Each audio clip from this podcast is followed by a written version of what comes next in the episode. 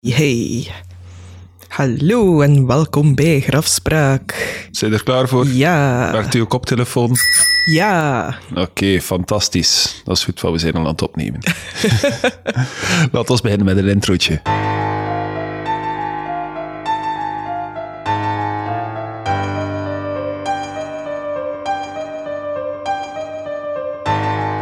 Hallo iedereen en welkom bij Graspraak. Hi. Mijn naam is Jens. En ik ben Niki. Hoe is Nicky? Eh, ja, momenteel terug, Sava. Ehm, tussen de twee afleveringen door heeft corona mij een ass weer een keer een derde keer gekikt, maar eh I kicked harder, dus Ja, we zijn voilà. terug. Round 3 was een victory. En wat vond hij van de eerste week van de stemrondes van de Belgian Podcast Awards, Nicky? Je kunt niet geloven met hoeveel goesting dat we daar hebben naar uitgekeken. Ik denk dat wij letterlijk om middernacht al een keer op die website hebben gekeken of dat we er al bij waren of niet. hè. Ik zou wel zeggen dat hoesting een heel Ja. groot woord is. ik, Nee, maar ik mij niet achter die hoesting. Excitement om te zien of dat we op de shortlist stonden, ik zal het zo Ja, zeggen. ja, ja, tuurlijk. We wouden dat wel weten. Hè. ja, ja, ja. Eh, nu, het het is niet dat we zo'n awardshow super serieus nemen of zo, maar we waren wel benieuwd vast. Stop met lopen. Eh, ja, dus om aan te tonen dat wij toch eh, verdienen om die prijs te winnen. Ja, ja. Nee, we wouden wel heel graag weten natuurlijk of dat we op de shortlist stonden. En dan zo de dag dat de shortlist ging bekendgemaakt worden, 15 januari, geen communicatie. Maar verder naar 16 januari, oké, misschien zijn ze een dagje te laat. Dat kan gebeuren. 16 januari, geen communicatie. Oké. We gaan verder. 17 januari. En tussen zijn we er al een beetje mee aan het lachen van. Die zijn dat zelf vergeten of zo. Plots een bericht van, ah ja, we gaan het pas bekendmaken in maart. Oké, dus ja. Belgian Podcast Awards was normaal gezien binnen een week of twee. Eh, niet, dus... Nee, dus we weten momenteel ook nog niet of dat we op de shortlist gaan staan of niet. Dat is nog eh, een paar weekjes afwachten. hè. Nee, maar we zijn wel mijn favoriete podcast, dus dat telt ook al iets. Dat hoor ik graag. Ja, en- voor 12 is dat minder graag horen. Wat, het is ongeveer gelijk gesteld. Wat, dit, dit doen we vaak. I love all my children equally. Yes. Wink. Eh, er zat er trouwens geen ironie in. Ik hou van 11 voor 12 en je zou er naar moeten luisteren. Anyway, er zijn nog een paar mensen die ons ook heel tof vinden. We die een keer opnoemen? Absoluut. Deze week zeggen we dankjewel aan Anne Vinke, Mark van Kampenoot, Clara Lucie, Sandy B, Lord Arthur, Annelies de Koning, Betty Sue, Michel Buik, Iper, Kevin en Sarah, Johanna, Benedicte Helissen, Shani Goossens, Rij, Sarah S., Anne van Woensel, Michim... Michin, sorry. Michiel Provoost. Michiel Provoost, Lenny Wiemes, Julie van Malderen, Shari Pomfliet, Miguel Fernandez Perez, De Jan, Mike Keizer, Josie, Michael Onkelings, Zustache en Suzanne van Dalen. Ja, allemaal mensen die het nooit zullen voor hebben dat ze hun autosleutel in een hoek van 90 graden plooien in hun achterdeur. En dan nog moeten zitten sukkelen met een paar tangen om dat terug recht te proberen plooien. In de hoop dat dat nog in hun auto gaat geraken. En wonder boven wonder, het werkt. Dus we komen er niet meer aan. Ik was dat al helemaal vergeten. Ik niet. Ik zie nog altijd het plooitje in mijn, in mijn sleutel. De constant reminder. Mhm, de constant reminder. Anyway, top mensen dus. We hebben ook nog een berichtje bij gehad deze week. Ehm, trouwens, ik denk dat wij volledig door onze spraakberichten zitten. Hè? Dus vanaf nu zijn het enkel nog ge- eh, geschreven berichten. Maar als je dus zelf nog een verhaaltje hebt dat je al een tijdje zit te wachten om te vertellen aan ons, dan kan je nog altijd een spraakberichtje doorsturen naar ons. Je kan dat doorsturen naar graspraak.gmail.com of gewoon op de website naar de contactpagina gaan. Deze week hebben we een berichtje binnengekregen van Kenneth. Kenneth die vertelt ons. Ik ga mijn verhaal dat ik meegemaakt heb hier neertypen, want ik ben zelf niet zo goed in praten over serieuze dingen. Ik heb op mijn twintigste verjaardag een bijna doodservaring gehad. Ik was op weg om een vriend te gaan halen die gedronken had en mij gevraagd had om hem te komen halen. Oké, dat is verstandig. Mijn verjaardagsfeestje was de dag erna. Terwijl ik onderweg was naar hem, ben ik moeten uitweken voor een dronken chauffeur, waardoor ik met mijn auto door een omheining gegaan ben en over kop gegaan ben waarbij er een betonpaal rakelings mijn hoofd door de vooruit tot aan de achterbank eh, gegaan is en met een flinke krap op mijn hoofd ben ik geëindigd. Hier heb ik toch eventjes geluk gehad. Maar hier begint het pas. Ik zag toen ik buiten Westen was een wit licht. Precies een witte hang, waardoor ik, zwer- eh, waardoor ik aan het zweven was.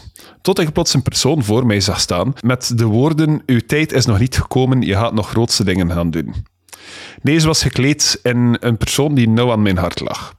Ik denk dat het een soort geest was die de gedaante nam van iemand die ik kende voor gemakkelijker en minder beangstigend te maken, denk ik. Na het korte maar krachtige gesprek met deze entiteit werd ik weer naar beneden gezogen, of gestuurd precies, en werd ik wakker. Bleek ik een klein kwartier buiten Westen te zijn. En de politie was er al. Hier stopt het echter niet, want sindsdien heb ik constant ongeluk en pech en had er niets goed. Ik heb altijd veel problemen.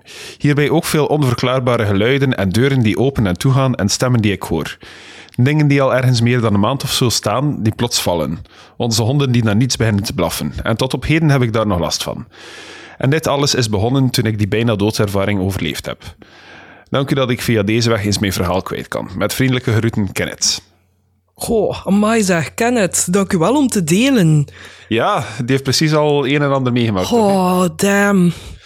Ja, zo die, die betonpaal die zo rakelings langs je hoofd had. En ik denk dat dat persoonlijk een van mijn grootste angsten is.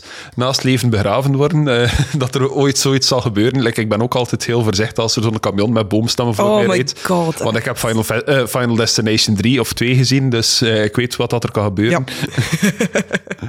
Maar Kenneth heeft dat dus echt meegemaakt.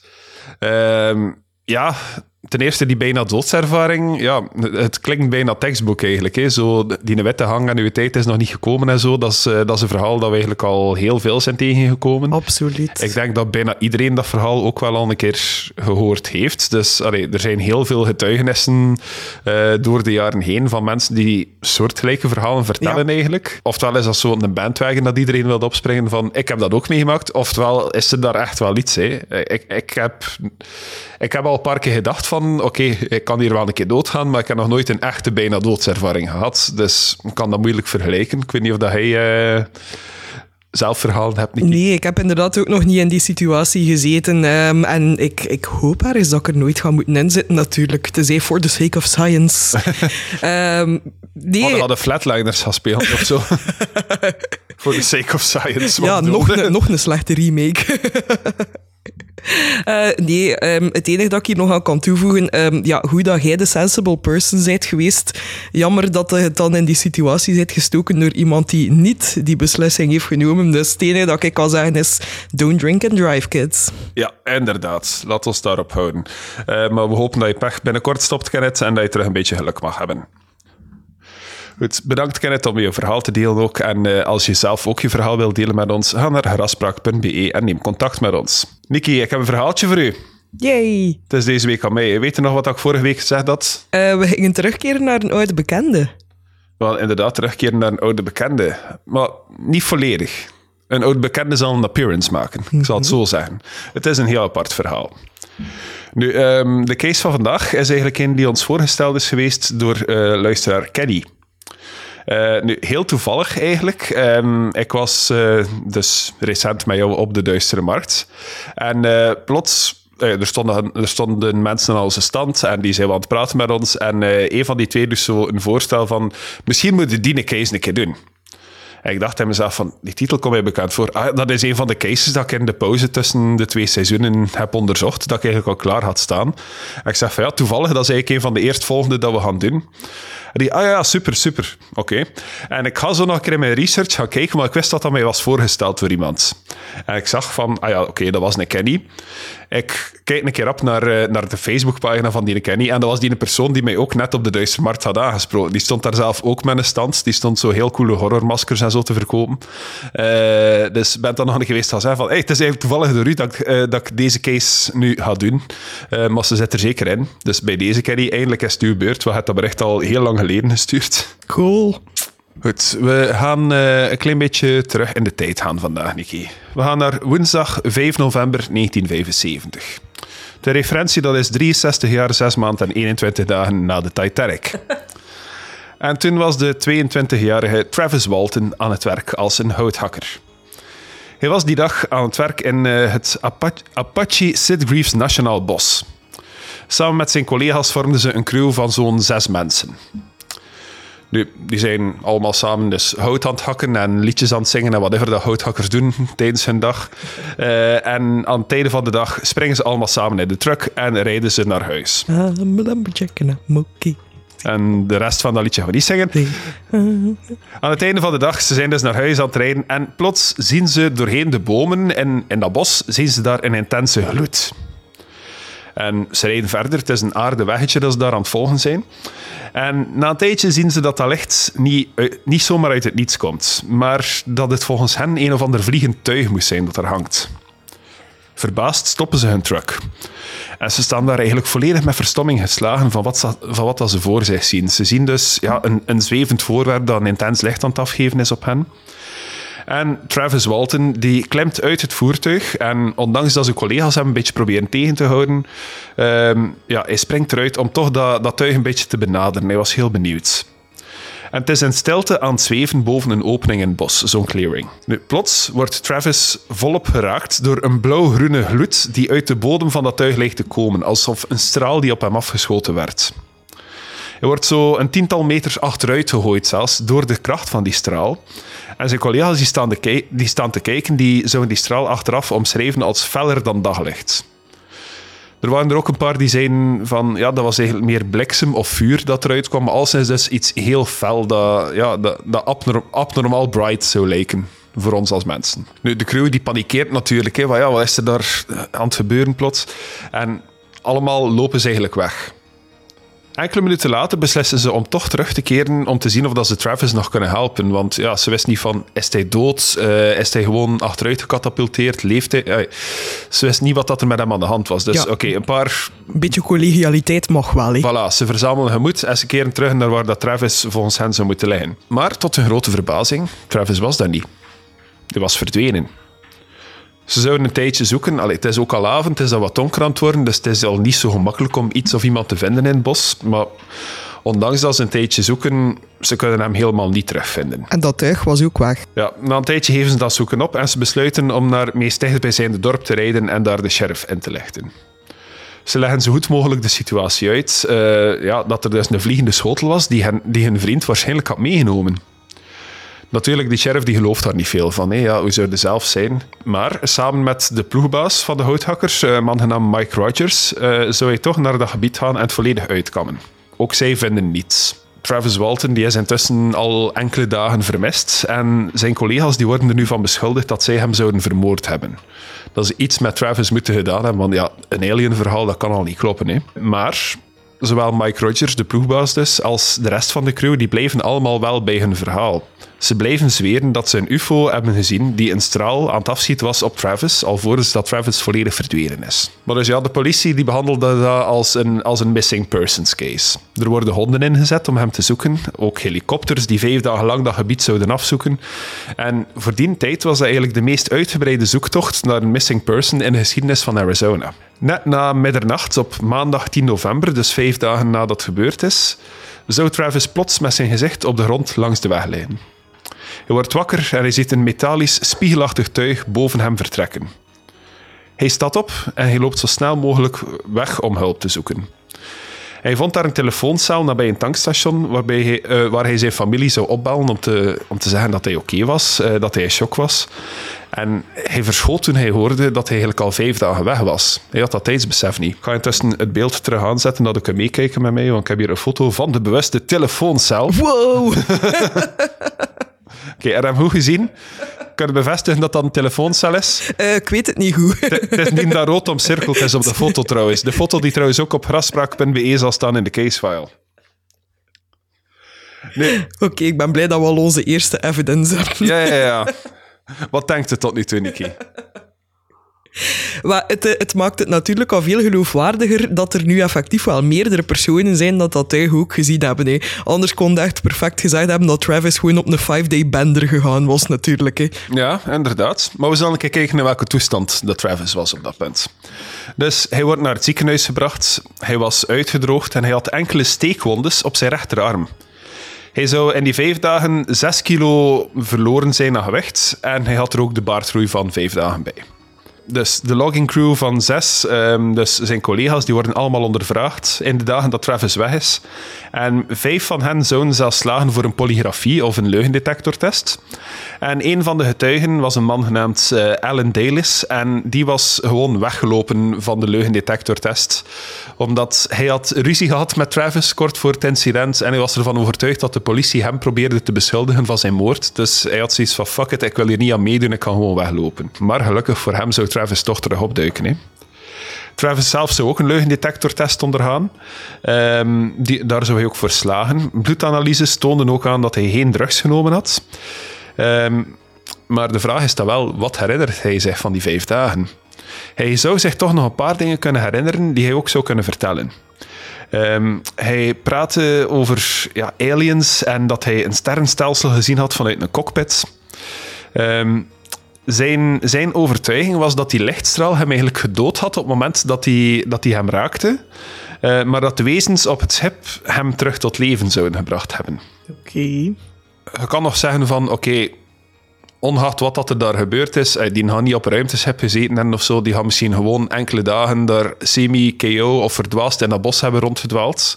Maar dat was eigenlijk heel moeilijk, want uh, de nachtelijke temperaturen in dat bos die waren min 13 graden gemiddeld. Dus moest hij echt gewoon buiten daar rondvertoefd hebben voor vijf dagen, die was doodgevroren. Mhm. Die zou dat niet overleefd hebben. Ik ben wel altijd benieuwd naar um, hoe dat de, de abductee, hier in dat geval Travis, hoe dat, hoe dat is altijd de aliens omschreven. Ik weet niet wat hij daar iets van gezegd heeft. Dat komt, dat komt. Dus herinner je misschien uit uh, de, de case van Betty en Barney Hill, dat die twee ook onder hypnose gegaan zijn mm -hmm. destijds, um, om ook te zien of dat ze op die manier nog altijd hetzelfde verhaal konden reconstrueren. Uh, Travis die zou ook onder hypnose gaan en daarbij zou hij, zich alles, uh, zou hij alles vertellen wat hij zich kon herinneren. Eerst keer over de geloofwaardigheid van de hypnoses. Uh, dat werd eigenlijk gedaan door, um, ja, door een hypnosetherapeut genaamd Dr. James A. Harder. En die zou de hypnose leiden, maar dat was ook onder toezien van nog drie collega's van hem, die eigenlijk ook allemaal geschikt waren om, om, om hypnose, mensen onder hypnose te brengen, ik zal het zo zeggen. En alle vier die artsen zouden eigenlijk wel pleiten dat ze echt geloven dat, uh, dat Travis de waarheid aan het vertellen was. Hij zegt dat hij zich niet meer kan herinneren dat hij geraakt werd door die straal, enkel dat hij een verlamde shock voelde en dat alles zwart werd. Hij werd wakker in een volgens hem vreemd gevormde kamer. Wanneer hij zijn ogen opende, zag hij drie mensachtige wezens rond hem staan. Hij zag een vreemd voorwerp op zijn borst en dat was hem precies op tafel aan het houden. Nu, hij zegt mensachtig, maar toch met een beetje vervreemde um, gezichtsfeatures. Zo, ja, de kaken, de mond, de neus, die toch ja, er mm -hmm. niet echt helemaal menselijk uitzien, maar dicht genoeg dat je wel een mensachtig wezen erin kan herkennen. Waarschijnlijk een beetje blauw van kleur ook. Ik uh, denk niet dat hij dat specifieert eigenlijk.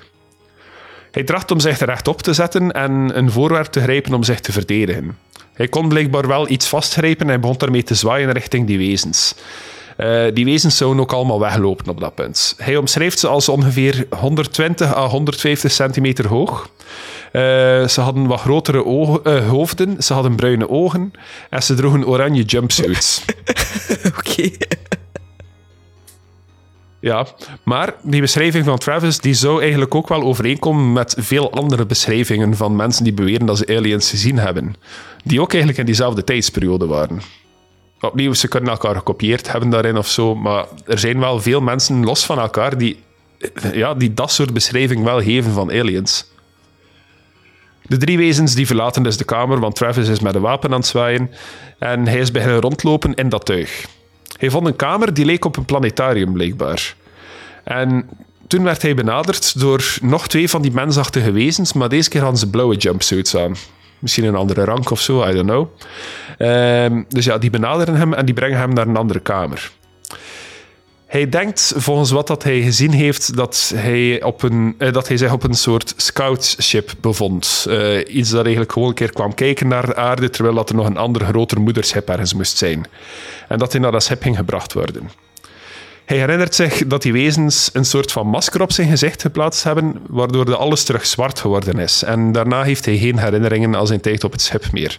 Dus wat dat ze ook op hem gedaan hebben, of waarom dat hij die steekwondes in zijn arm had, hij heeft er geen idee van. Mm -hmm. Logboeken uit die periode tonen eigenlijk al aan dat de sheriffs in de naburige dorpen van dat bos eigenlijk al onderzoek aan het doen waren naar cattle mutilation of veemutilatie. Dat gebeurde in dat, gebeur, in dat ah, gebied. Dat is ook een oude bekende. Ja, inderdaad.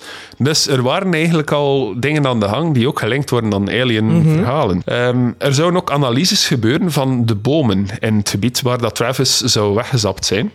En blijkbaar kon aangetoond worden dat de bomen die binnen het gebied dat die straal zou geraakt hebben waren, dat die 33% sneller groeien dan eigenlijk alle andere bomen in dat gebied. Er was ook duidelijke verschil in uitzicht tegenover andere bomen in het omringende gebied. Nu, ik heb daar eigenlijk niet echt veel foto's van kunnen vinden. Enkel van een, de doorsnee van een boomstam dat ik u subiet ga tonen. En door dat gebied jarenlang eigenlijk te blijven observeren, kon ook aangetoond worden dat in die, specifieke, in die specifieke cirkel waar Travis ontvoerd zou geweest zijn, dat de bomen in een lichtjes andere richting groeien dan alle andere bomen. Je weet, planten groeien in de richting van de zon, of Ja. toch waar dat ze het meeste daglicht krijgen. Bij die bomen was dat blijkbaar toch anders. Kon ook aangetoond worden dat ze blootgesteld waren aan iets nucleairs.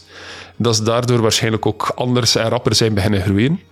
Eh, maar dat is wel een opvallend sterk stuk bewijs eigenlijk binnen heel dat verhaal. Dat is heel opvallend en dat doet mij heel erg denken aan eh, het Rendlesham-incident ook. Daar was dat ook met die clearing, Ja. dat zo heel veel tekenen toonden. Ook inderdaad zo dat ze, ehm, hoe noemt dat voor de chemische dingen te meten? Weet wel, op wat ik het heb. Ja, ja, Dat ding.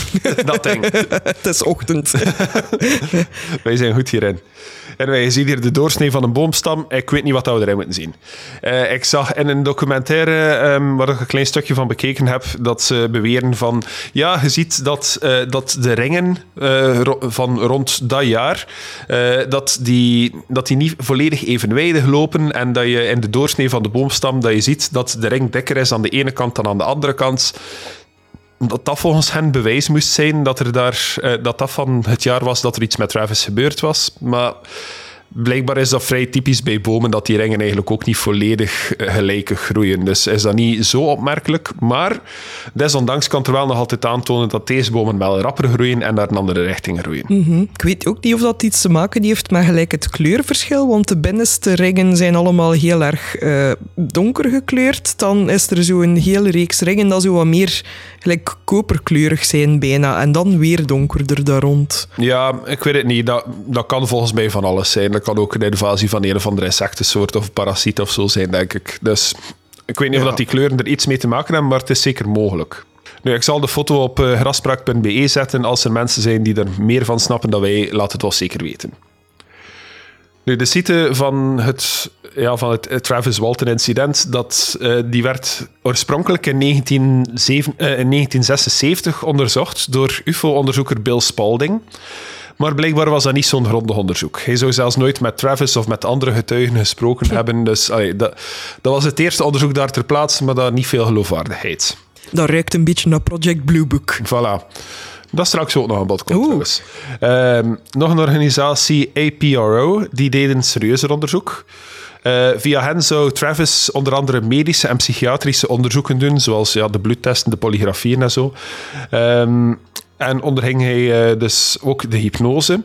Ehm, en die zouden dus iets meer van zijn verhaal te weten kunnen komen. Dit is eh, de tekening dat je hier ziet, is hoe Travis zijn UFO omschrijft. Kunnen die een keer beschrijven? Ja, dus ehm, het is eigenlijk een beetje de typische flying saucer, als in dat er zo twee borden zogezegd omgekeerd op elkaar staan. Laat ons zeggen, het zijn er zo wat meer soepborden dat op elkaar staan.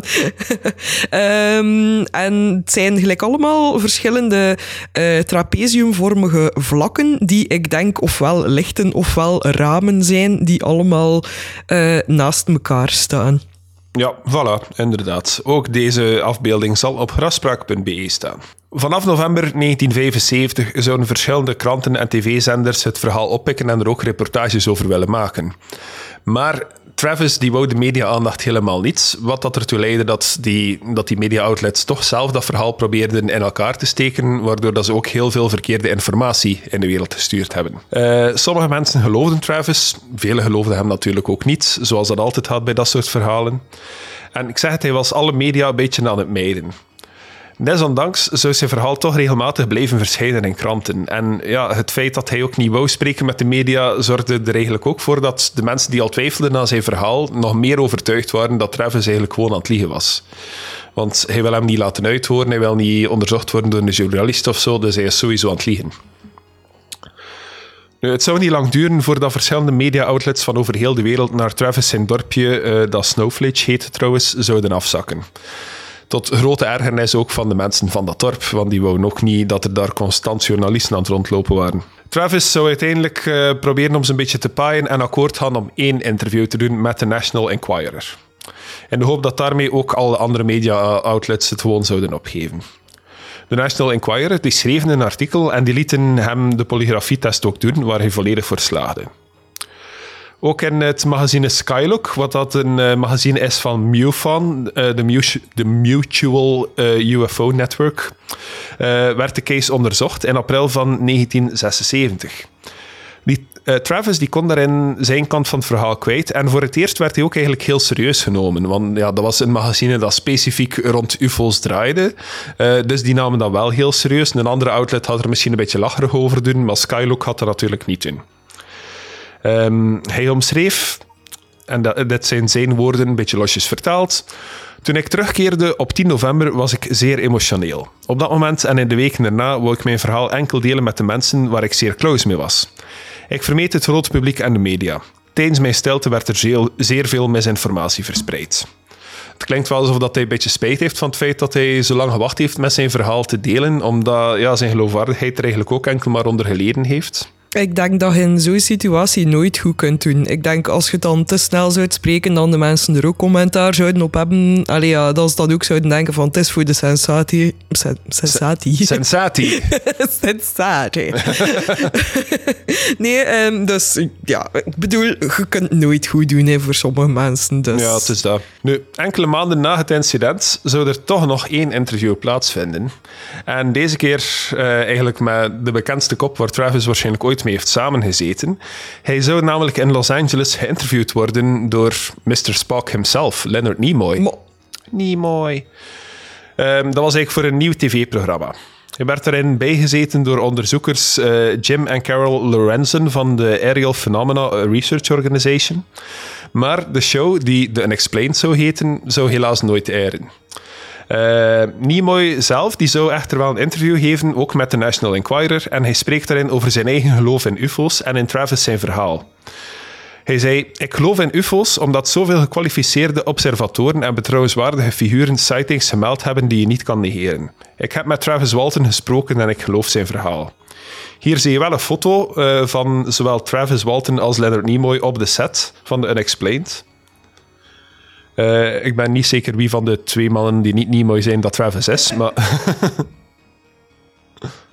ik vind het ook wel grappig dat de titel zo... Why I Believe in UFO's by Leonard Star Trek Nimoy. ja, geef toe, Leonard Nimoy is op zich gewoon een alien in disguise. Mm Dus hij gaat er alles aan doen om UFO's ook aan de mensheid te brengen. Nu, Travis, zijn beschrijving van de, van de UFO die kwam ook zeer dicht overeen met andere beschrijvingen die we eerder zagen, zoals die van Bob Lazar. Ook Betty en Barney Hill omschreven hun aliens in uniformen. Um, ik weet dat niet volledig als jumpsuits was in de Betty en Barney Hill case, als ik mij goed herinner.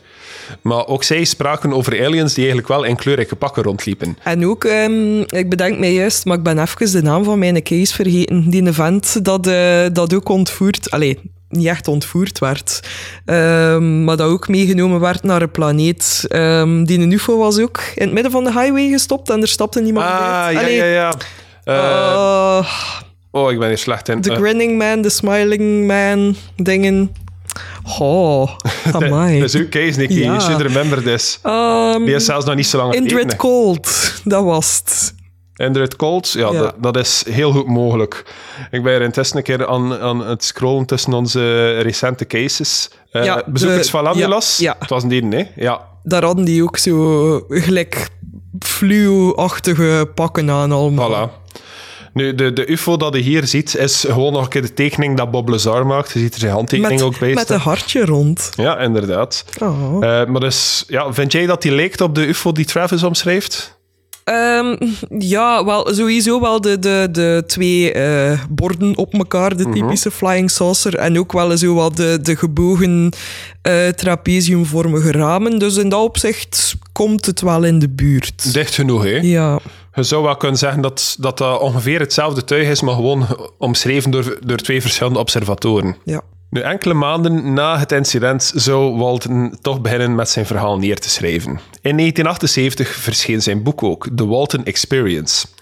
Hij vertelt erin over zijn encounter en heeft zijn eigen inzichten rond de ervaring. Hier zie je dat boek ook een keer. Zo dramatisch, die cover. Die hem gewoon geraakt worden door lichtstraal, terwijl dat hij zo zijn armen uitsteekt. Hè? Zap. Nu, natuurlijk, in de media komen met uw UFO-verhaal, eh, dat heeft gevolgen. En er zou ook wel een nasleep zijn. Ehm, decennia lang was Waltons ervaring eigenlijk de bekendste alien abduction ter wereld. Of toch volgens de artikels dat ik erover gelezen heb. Nu, ik denk dat hetzelfde gezegd werd over Betty en Barney Hill, dat zij decennia lang de bekendste uh, UFO-case ter wereld waren. Dus die zin moeten misschien maar een korreltje zout nemen, maar het was al eens een van de, een van de meest bekende verhalen. Ehm, zijn case is wel op het niveau van die van Betty en Barney Hill, die we in aflevering 49 besproken. Uh, maar het grootste verschil is dat Travis verschillende getuigen rond zich heeft en de Hills niet. De Hills hadden enkel elkaar als getuigen. Ook onder UFO-onderzoekers staat zijn case in meestal wel de top drie meest geloofwaardige ontvoeringen aller tijden. Dus uh, dat wil ook wel iets zeggen. Eh, afhankelijk van hoe serieus dat hij die dingen neemt, natuurlijk. Maar kom. Uh, sceptici die spreken over hallucinaties te gevolgen van drugs. Nu, ik denk persoonlijk niet zozeer in die richting, want dan zouden we moeten zeggen dat zes of zeven mensen dezelfde hallucinatie op hetzelfde moment hadden. Ja, voilà. Ik denk dat er nog altijd geen drugs bestaat die u echt allemaal hetzelfde kan laten hallucineren. Nee, en als bestaat, dan wil ik het eigenlijk wel een proberen, maar... Goed, uh, dat terzijde. Als ook uh, is er meteen na zijn terugkeer ook wel een bloedafname gebeurd, waardoor dat er is kunnen nagetoond worden dat hij geen drugs in zijn systeem had, of toch geen drugs die bekend was op dat moment. Project Blue Book was, wel, uh, was nog niet bezig op het moment dat dit alles gebeurde, maar Dr. J. Allen Hynek had wel iets te zeggen over Travis Walton zijn verhaal. Um, ik ga opnieuw losjes citeren wat Heineck gezegd heeft erover.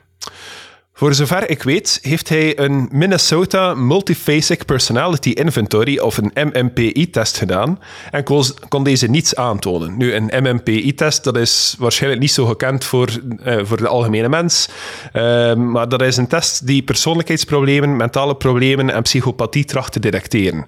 Uh, dat is ook een test die je kan gebruiken om te zien of iemand psychosekenmerken of zo vertoont, bijvoorbeeld. dus in, in mijn line of work kom ik daar wel af en toe eens mee in aanraking. Uh, maar veronderstel dat hij daar waarschijnlijk nog nooit van gehoord nog nooit van gehoord, nee. En dat is nog altijd hetzelfde dat gebruikt wordt? Of dat heeft waarschijnlijk wel al een beetje een evolutie ondergaan? Uh, ik heb nog nooit een test van in de jaren 70 bekeken eigenlijk, maar ik denk dat die testen eigenlijk grotendeels hetzelfde blijven. Uh, if it ain't broke, don't fix it. Maar ik ben daar dus niet zeker van. Hè. Um, ik weet dat ze vandaag nog altijd gebruikt worden, die testen. Ik weet niet of dat nog altijd dezelfde standaardisering van, van ik ging zeggen 30 jaar terug, maar het is 50 jaar terug. Uh, of dat dan nog altijd hetzelfde is als toen. Maar ja, laat ons hopen van niet, want voor zover dat ik het weet, waren er 50 jaar geleden waarschijnlijk nog een paar lobotomieën dat werden uitgevoerd ook. Ja, maar dat is niet het punt van die test, denk ik. Goed. Die test zou wel aantonen dat hij, dat hij niet psychotisch was, dat hij niemand probeerde te misleiden, dat hij ook geen, geen van de bovengenoemde mentale aandoeningen had. Um, als dat klopt, is dat, is dat wel een groot punt in zijn voordeel natuurlijk. Travis was niet gek en hij was niet aan het liegen. Een belangrijk aspect is het deel met de zeven mannen in de crew. Elk van hen had een leugendetectortest gedaan en is erin geslaagd. Of toch op één na. Er zit daar een patroon in, zegt Heineck. Als dit de enige case in de record was, zou ik zeggen dat ik nog steeds niet geloof. Maar we hebben intussen al zo'n twee dozijn soortgelijke verhalen die momenteel onderzocht worden, dus er moet wel iets aan de hand zijn. Nu, uiteindelijk, uh, denk ik in uw case, is dan ook uh, aan bod gekomen dat Heineck eigenlijk niet meer zo'n grote believer was, zeker? Of hoe zat dat weer? Weet hij oh dat nog? my god, dat is echt al zo lang geleden. Ik durf het niet meer 100% zeker te zeggen. Nu, dat is het enige uh, dat ik heb teruggevonden dat Heineck te zeggen had over Travis Walton, zijn specifiek incident. Dus laten we ons daarbij houden. Uh, in 1993 zou er zelfs nog een film verschijnen over het verhaal van Travis Walton. Die film heet Fire in the Sky. Uh, dat is geen superbekende film, uh, maar er is zeker wel een cult following voor. De film volgt Travis zijn verhaal en uh, ik, ik heb een beetje zitten rondlezen over die film, ik heb die zelf eigenlijk ook nog nooit gezien. En Den of Geek zou zeggen dat uh, de vertoning van een alien ship in die film een van de meest memorabele is uit die periode van de filmgeschiedenis. Nu, ik ga zeggen, deze film is dus uitgekomen zo'n 16 jaar na Close Encounters of the Third Kind, die wij al bij gezien hebben. Mm -hmm. Herinnert u die nu voor daaruit? Mm -hmm. Oké, we gaan nu kijken naar een clipje van de UFO in Fire in the Sky. Ehm, dat zal opnieuw niet in de aflevering zitten, want copyright, da da da. Maar je kan het YouTube-clipje wel vinden op raspraak.be. Wij gaan ongeveer kijken vanaf vier minuten into de video. Oké, we zijn terug. Uh, ter, ter, referentie voor wie dat ook wil zien in het filmpje. Um, als je aan vier minuten begint, dan gaat de, de UFO niet meer zien. Je moet ongeveer naar drie minuten en een half gaan. anyway, Nicky, wat vond je daarvan? Uh, ja. uh, dat, was gelijk... ik weet niet hoe dat je het moet omschrijven. Lijkt een halve champignon, waar dat er dan lava onder zat en heel veel rook. Ja, het was wel vreemd vormgegeven, hè? Ja. Um, ik vind het inderdaad raar dat ze, dat ze daarvan zeggen van dat is een van de meest geloofwaardige manieren dat een UFO al in beeld gebracht is in dat punt van de filmgeschiedenis. Uh, wanneer dat Close Encounters al bestond. Ja, en zoveel films met zoveel goede special effects en zotte dingen en al. Ja. I mean, we zijn al die jaren negentig daar, alles is mogelijk. Alles. Maar ja, het is, 1993, dus dat is het jaar dat Jurassic Park is uitgekomen. Mhm. En dat, dat toont ook hoe ver dat special effects eigenlijk al stonden toen. Dus uh, er was zeker meer mogelijk, maar ik weet niet of dat, of dat deze film hetzelfde budget had als, als een Jurassic Park. Hoewel het is een Paramount film, dus die hadden wel budget. Ja, ja wat dat allemaal terzijde. Uh, ik heb hier ook nog een fotootje van diezelfde UFO. Uh, die zal ook op graspraak.be staan voor wie geen zin heeft om heel de video te bekijken. Ehm de makers van die film hebben ook wel toegegeven dat ze wel wat creatieve vrijheden benut hebben, waardoor ook niet alles 100% waarheidsgetrouw is. Maar ze hebben wel hun best gedaan om Travis zijn verhaal zo goed mogelijk te brengen. Ehm, Travis heeft een eigen website ook opgericht om zijn verhaal daar ook op te delen. En um, volgens die website zou hij, wetende wat hij nu weet, nooit uit die truck gestapt zijn. Zijn verhaal is eigenlijk hetzelfde gebleven sinds 1975. Hij is ook een gerespecteerd figuur binnen, het, uh, binnen de UFO-community. Maar uiteraard zijn er ook veel mensen die hem als een grote leugenaar aanschouwen.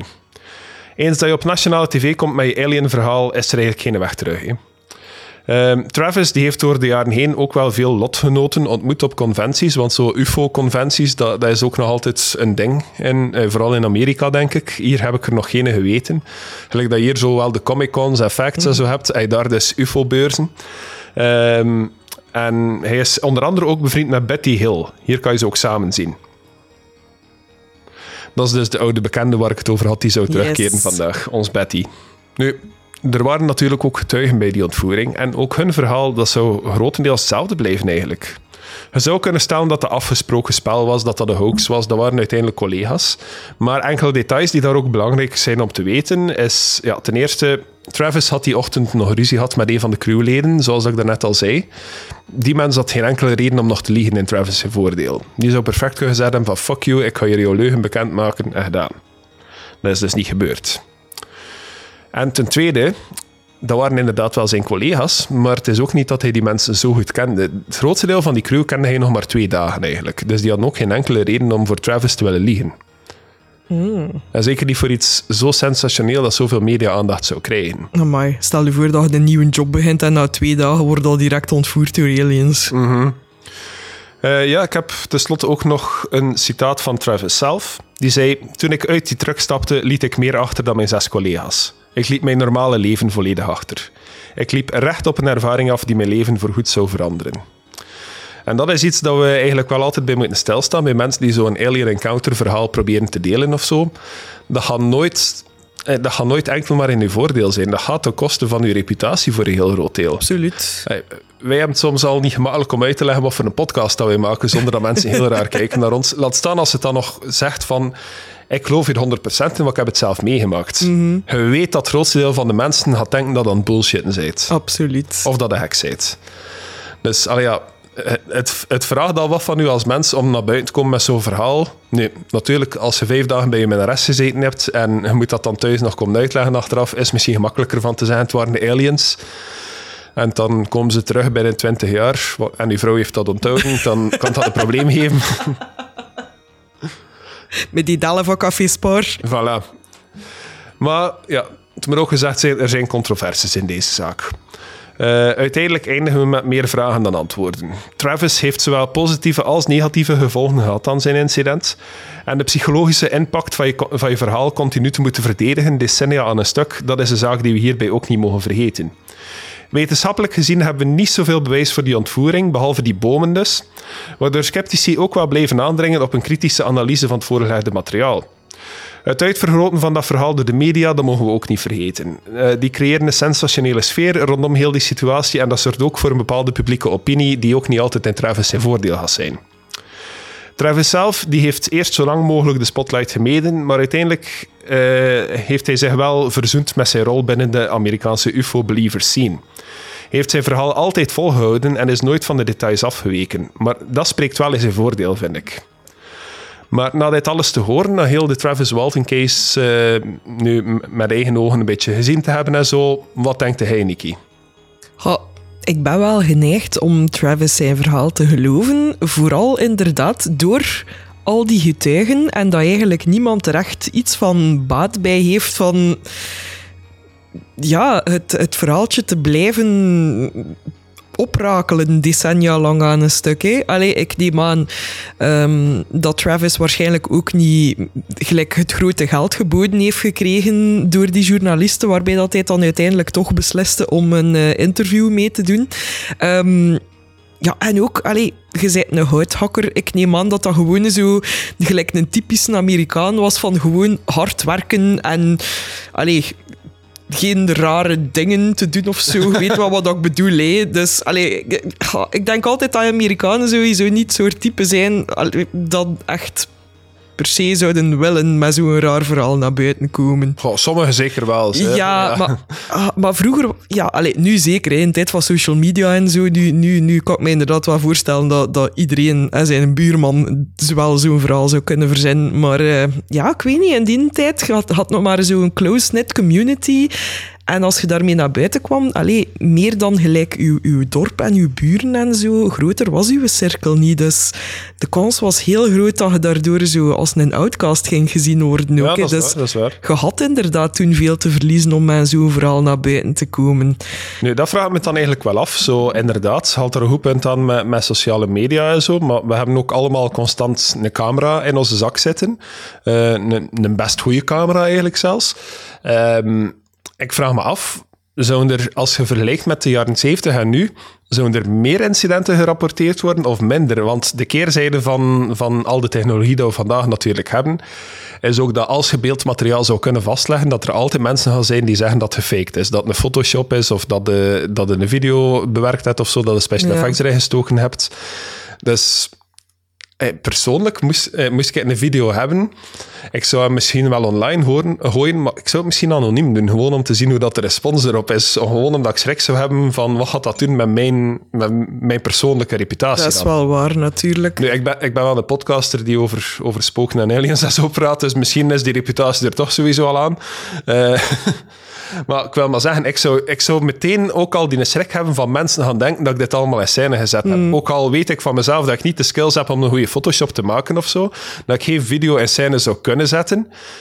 Toch zou ik, zou ik er altijd mee blijven lopen van als, als ik dit nu online gooi, niemand gaat mij geloven. Maar het is ook niet moeilijk meer. En nu geeft een simpel een AI-prompt in en het waarschijnlijk al tien prentjes in één keer. Hè. Ja, voilà, het is dat.